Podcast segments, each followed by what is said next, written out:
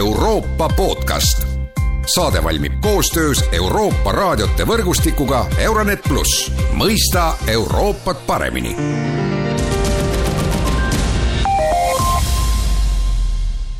tere ja alustab tänane Euroopa podcast.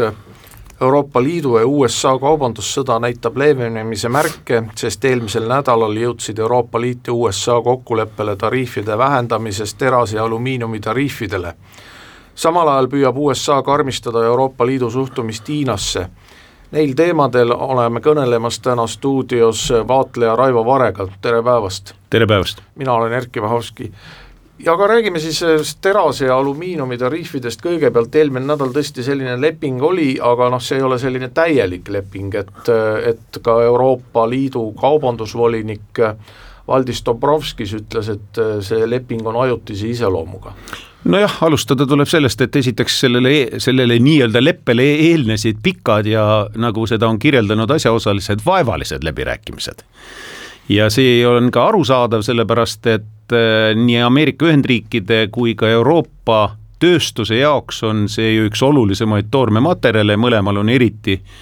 eriti oluline ka seda omada äh, piiramatul kujul ja võimalikult madala hinnaga, sest sellest toodetakse masinaehitustoodangut.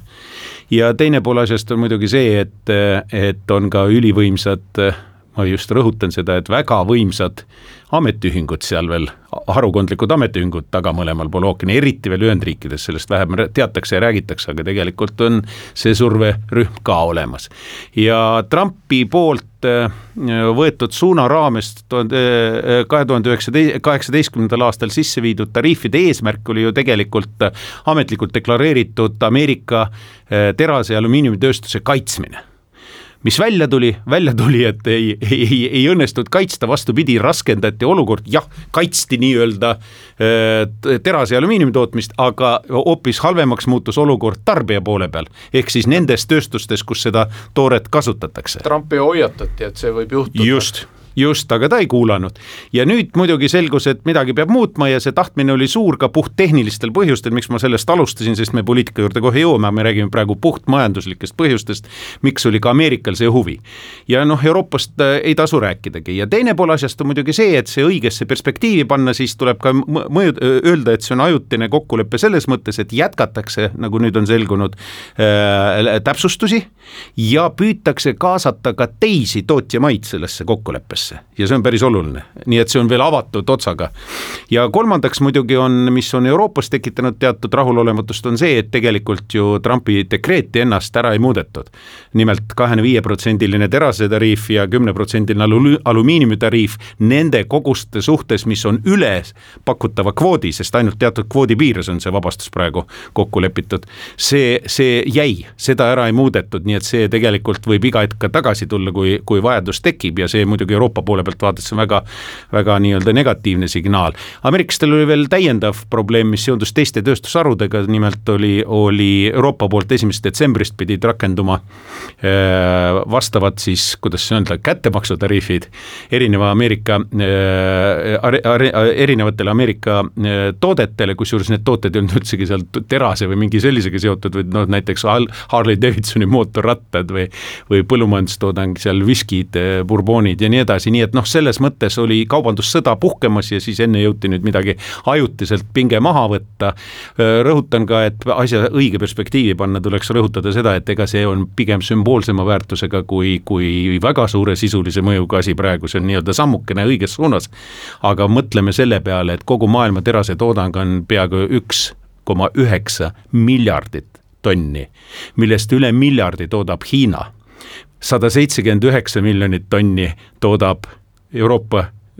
Liit. Ja ja, ja Ameerika Ühendriigid toodavad sada, kunagi tootsid siin kümmekond aastat tagasi tootsid peaaegu kakssada, kaks korda on seal tootmine vähenenud, nii et pilt on muidugi vastav. alumiiniumis muuseas on veel segasem olukord, sest kui terase puhul on teada, et enam-vähem kolm koma kolm miljonit viiest miljonist, mis tavaliselt on Euroopast läinud terase eksporti Ameerika Ühendriikidesse,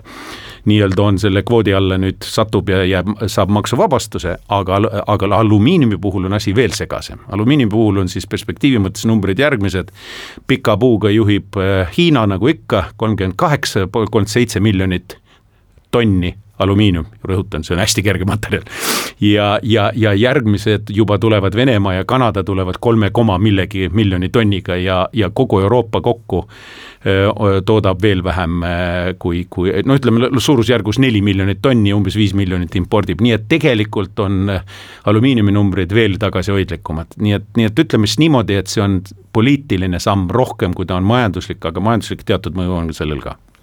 noh, põhimõtteliselt siis äh,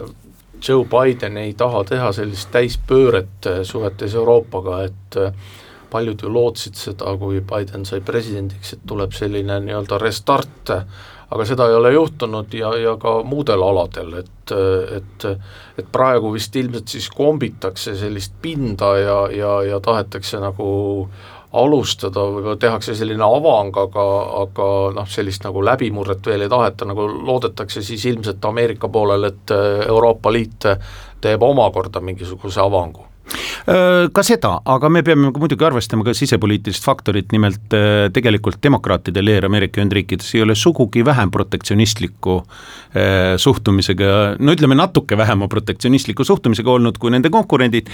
ja, ja seetõttu ka see surve, mis on nii-öelda sealtpoolt sisepoliitiliselt, on administratsioonile on ikka piisavalt tugev, nii et ta peab kõiki ka poliitiliselt põhjendatud samme, mida on vaja rahvusvahelise poliitika kontekstis või pikema perspektiivi kontekstis, peab kaaluma hakkama vot sellesama sisepoliitilise survega. ja sisepoliitiline surve on ju Ameerikas olemas, sest demokraadid ju praegu kaotasid olulistel valimistel. jah, ja pilt üha, üha inetumaks siin on muutumas selles mõttes, et ega nüüd juba keegi päris tõsiselt ei välista isegi Trumpi tagasitulekut, sest ta hoiab seda vabariiklikku parteid juba suhteliselt tugevalt tema enda haardes ja, ja, ja samal ajal vabariiklased koguvad nii-öelda toetust uue, uuesti uuesti. muuseas, paljudes positsioonides on ju kaubandussõjad veel jätkumas, eks ole, ja, ja, ja kui vaadata WTO äh, kaebuste nimekirja, siis seal leiab neid Ameerika Ühendriikide ja, ja Euroopa Liidu kaebusi küll ja küll veel erinevates valdkondades, nii et nii et ma arvan, et praegu võib-olla peaks vaatama seda kui esimest sammukest ja selle sammu taga on Hiina. ja selle sammu taga on Ameerika Ühendriikide selge soov ja siin on Biden väga selgelt ennast väljendanud, kõik teised asjad jätta kõrvale ja püüda pikas perspektiivis väljakutse riigi ehk Hiina suhtes astuda kõige olulisemad sammud ja püüda luua suurt koalitsiooni Hiina vastu. ja kui sa koalitsiooni luua, siis nagu ta Venemaa puhul teeb, siis lükata lihtsalt noh, stabiliseerida asi ja lükata ta nii-öelda seisvasse seisundisse kuhugi kõrvale, et ta ei segaks jaa, ma tahan Hiinast kindlasti rääkida, aga enne, enne tahaks ma küsida sinu arvamust äh, rohepöörde kohta, noh seda lepingut on siis nagu palistatud ka sellise rohepöörde retoorikaga ja ja mis sa sellest arvad, et see on siis, peaks siis kaasa aitama sellele rohepöördele? aga absoluutselt, aga see on ka Hiinaga seotud ja, ja, ja on seotud sellisel viisil, et terase tootmist teadupärast kasutatakse kahte erinevat tehnoloogiat ja see tehnoloogia, mis on kasutuses Ühendriikides, on väiksema emissioonijäljega, kui on äh, söepõhine äh, tehnoloogia, mida kasutatakse valdavalt Euroopa Liidus ja mis on absoluutselt kasutuses Hiinas ja tegelikult Hiina terasetööstuse emissiooni suurusjärk on niivõrd suur, et, et ta emiteerib umbes sama palju, kui emiteerib terve Indoneesia riik, kes on muuseas maailma esikümnes emiteerijate riikide hulgas. nii et noh, selles mõttes tegu on ikkagi kaudselt ka väga selge signaaliga Hiinale. ja veel ühe asjaoluga, millega tasub arvestada, asi on selles, et Euroopa Liit on nii-öelda aktsepteerinud ja põhimõtteks võtnud kaitsetariifid Äh, rohelised kaitsetariifid. erinevatesse valdkondadesse nad üha laienevad ja see on nii-öelda äh, tehtud tehing või otsustatud asi, aga Ameerika Ühendriikides ei ole sisepoliitilistel kaalutlustel ja isegi juriidilistel, nii palju kui ma aru saan, alati võimalik, seal on teatud volitusi äh, vaja selleks, et seda üldse saaks teha ja see tähendab seda, et, et seda mehhanismi, mida Euroopa Liit saab kaitsta ennast rohele, rohepöörde kontekstis teiste nii-öelda räpaste to-, tooda-, riikide toodangute vastu, seda Ameerika Ühendriigid sellises ulatuses praegu veel ei saa kasutada, nii et nad on sunnitud kasutama teisi meetodeid, kaasa arvatud vot sellised ajutised või, või mingisugused harukondlikud lepped. jaa, aga Hiinast ei saa tõesti üle ega ümber, et et see probleem vist on selline, et et äh, Ameerika Ühendriigid ei ole väga palju majanduslikult sõltuvad Hiinast, noh muidugi nad on, aga ütleme siis mitte nii palju kui Euroopa Liit, kellel on ikkagi väga head majandussuhted Hiinaga, nüüd kui ameeriklased lähevad sellisele vastasseisule Hiinaga ja tahavad siis, nagu sa ütlesid, äh, tahavad leida endale liitlasi, siis äh, Euroopa Liit ei taha vist päriselt selle mänguga kaasa minna, et ja, ja, ja siin need probleemid tekivadki. ma arvan, et see ongi kõige põhilisem väljakutse täna, sellepärast et et kui Ameerika vaade on nii-öelda strateegilises kontekstis täiesti kristalliseerunud ja täna käib ainult nii-öelda selle asja täpsustamine ja täitmine sisuga siis Euroopa vaade ei ole esiteks üldse strateegiliselt selge, olgem ausad. valdkondlikult on vägagi kõigutud ja teiseks muidugi Euroopa soov on teha majanduslikku koostööd võimalikult kõigiga, sest noh, Euroopa argument on tema suur turg ja majanduslik võimsus ja sellisena ta näeb ka Hiinat kui väga suurt majandusruumi enda partnerina. ta tahaks minimiseerida, nagu kõik teisedki, tahaks minimiseerida negatiivseid efekte, mis sellest tulenevad, aga samas ei tahaks kaotada ka võimalusi teenida, mis on Hiinaga seoses märkimisväärsed ja, ja, ja kus Euroopa jaoks on seda võib-olla isegi rohkem vaja kui Ühendriikide jaoks, sest Euroopa sõltuvus kogu nii-öelda muu maailmaga seotusest majanduslikus mõttes on palju suurem muuseas, kui on Ameerika Ühendriikidel Ameerika Ühendriigid on ikka suhteliselt self-sufficient. ehk nad on siiski noh, nii enesekesksed ka majandusruumina palju rohkem, kui on seda Euroopa Liit. ja Hiina samuti on, on väga suures osas sõltuv sellest, mis maailmas toimub, nii et siin on objektiivne huvide nii-öelda kooslus ja loomulik on, et nüüd see võitluse tanner, mis praegu majandusvaldkonnas on, jätan praegu geopoliitika kõik muu kõrval, majandus, geoökonoomiline võitlus tegelikult käib ju täna kahe äh, äh, nii-öelda leeri vahel uue majanduslik-tehnoloogilise platvormi loomise teemal. ehk siis praegune majanduslik-tehnoloogiline platvorm, mis eksisteerib maailmas, see on lääne poole kaldu, see on ühine meil Euroopal ja Ühendriikidel deviatsioonidega ja nüüd Hiina oma koha kindlustamiseks maailmas püüab luua oma sellist platvormi, mis osaliselt kattub, osaliselt mitte. ja see on nüüd see võitluse koht ja Euroopa tahaks olla mõlemal pool, see tähendab, ta peab kohanema mõlemaga. aga Ameerika Ühendriigid näeksid seda ikkagi selle vana platvormi põhisena, seda koostööd majanduslikus vallas no siin on veel see, eks, aspekt, et, et Euroopa Liidul noh, erinevalt Ameerika Ühendriikidest ju ei ole sellist ühist vaadet Hiinale, vaid see Euroopa Liit on ikkagi liikmesriikide kogum ja noh, Eesti kaubavahetus Hiinaga on näiteks väga väike, aga Saksamaa kaubavahetus Hiinaga on väga suur. Hiina on Saksamaa suurim kaubanduspartner, et siin tekibki ju loomulikult küsimus, et et kui Eesti jaoks noh, me saame ju oma retoorikat hoida suhteliselt karmina Hiina suhtes, sest meil ei ole nagu sellist majanduslikku sõltuvust, aga noh, Saksamaa puhul on selge, et seal on ju majandushuvid eh, trumpavad eh, kõik üle ja, ja siis on palju liikmesriike, kes on seal kuskil vahepeal. Ja vähe sellest, on ka isegi Euroopa-siseselt on need äh, seisukohad erinevad, sest kui me vaatame praegu üksikuid suurriike ja nende majandushuve, millele sa vihjasid küsimusega, siis lisaks sellele eksisteerivad veel ka sellised noh, leeride põhised. no seesama lugu, mis praegu on äh, toimumas seoses Taiwaniga kus on Euroopa Parlamendi delegatsioon. just, Euroopa Parlamendi delegatsioon Taiwanis ja, ja kohtub tipptasemel ja räägib sellist juttu, mis iga sõna ja iga koma kohta ajavad Pekingil harja punaseks. ja, ja noh, olgem ausad, eks Ameerika ka teeb seda täpselt sedasama ja, ja, ja Taiwan on muutunud nüüd selleks fookus punktiks mõneti isegi. ja, ja, ja kui ameeriklaste positsioon on seal üheselt selge, siis Euroopas on mitu positsiooni, lisaks teine näide on muidugi see, mis praegu on toimunud selle kurikuulsa seitseteist, nüüd juba kuusteist ja võib-olla ka väiksem formaadis, eks ole, pluss üks, kus siis Hiina katse imbuda läbi Ida- ja Kesk-Euroopa Euroopasse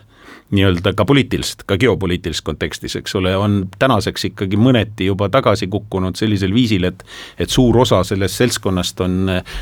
noh, ütleme niimoodi, võtnud ettevaatliku positsiooni, rohkem või vähem, meie, meie rohkem, mõned vähem, ja mõned on väga aktiivsed olnud, nagu meie lõunanaabrid leedukad, kes on nüüd üheselt, seda on isegi nagu juba maailmas pealkirjades välja toodud, on teinud valiku kahe Hiina vahel. no tegelikult ka kolumnist Edward Lukas kirjutas äh, hiljuti Postimehes, et tegelikult see Hiina katse Ida-Euroopat hõlmata on läbi kukkunud ja noh, siin on ilmselt küsimus valikutes, et äh, arvestades just seda äh, geopoliitilist asendit, kus Ida-Euroopa on, et kui antakse valida, kas siis Hiina või USA, siis äh, valitakse ikkagi USA, sest äh, noh, jutt on ikkagi julgeoleku tagamisest. no olgem ausad, eks siin see hirm on suur, et meie idanaaber on see põhiline äh, faktor ja, ja selles kontekstis Hiina ei ole liiga lootustandev liitlane, ütleme ausalt, aga kui oleks tegu ainult puhta majandusküsimusega, nagu seda võib käsitleda Prantsusmaa või Saksamaa puhul, siis loomulikult need kõikumised on hoopis teistsuguse amplituudiga, nagu me ka seda praegu näeme aitäh, Raivo Vare, see oli tänane Euroopa podcast, mina olin Erkki Pahovski, kõike head ja kuulmiseni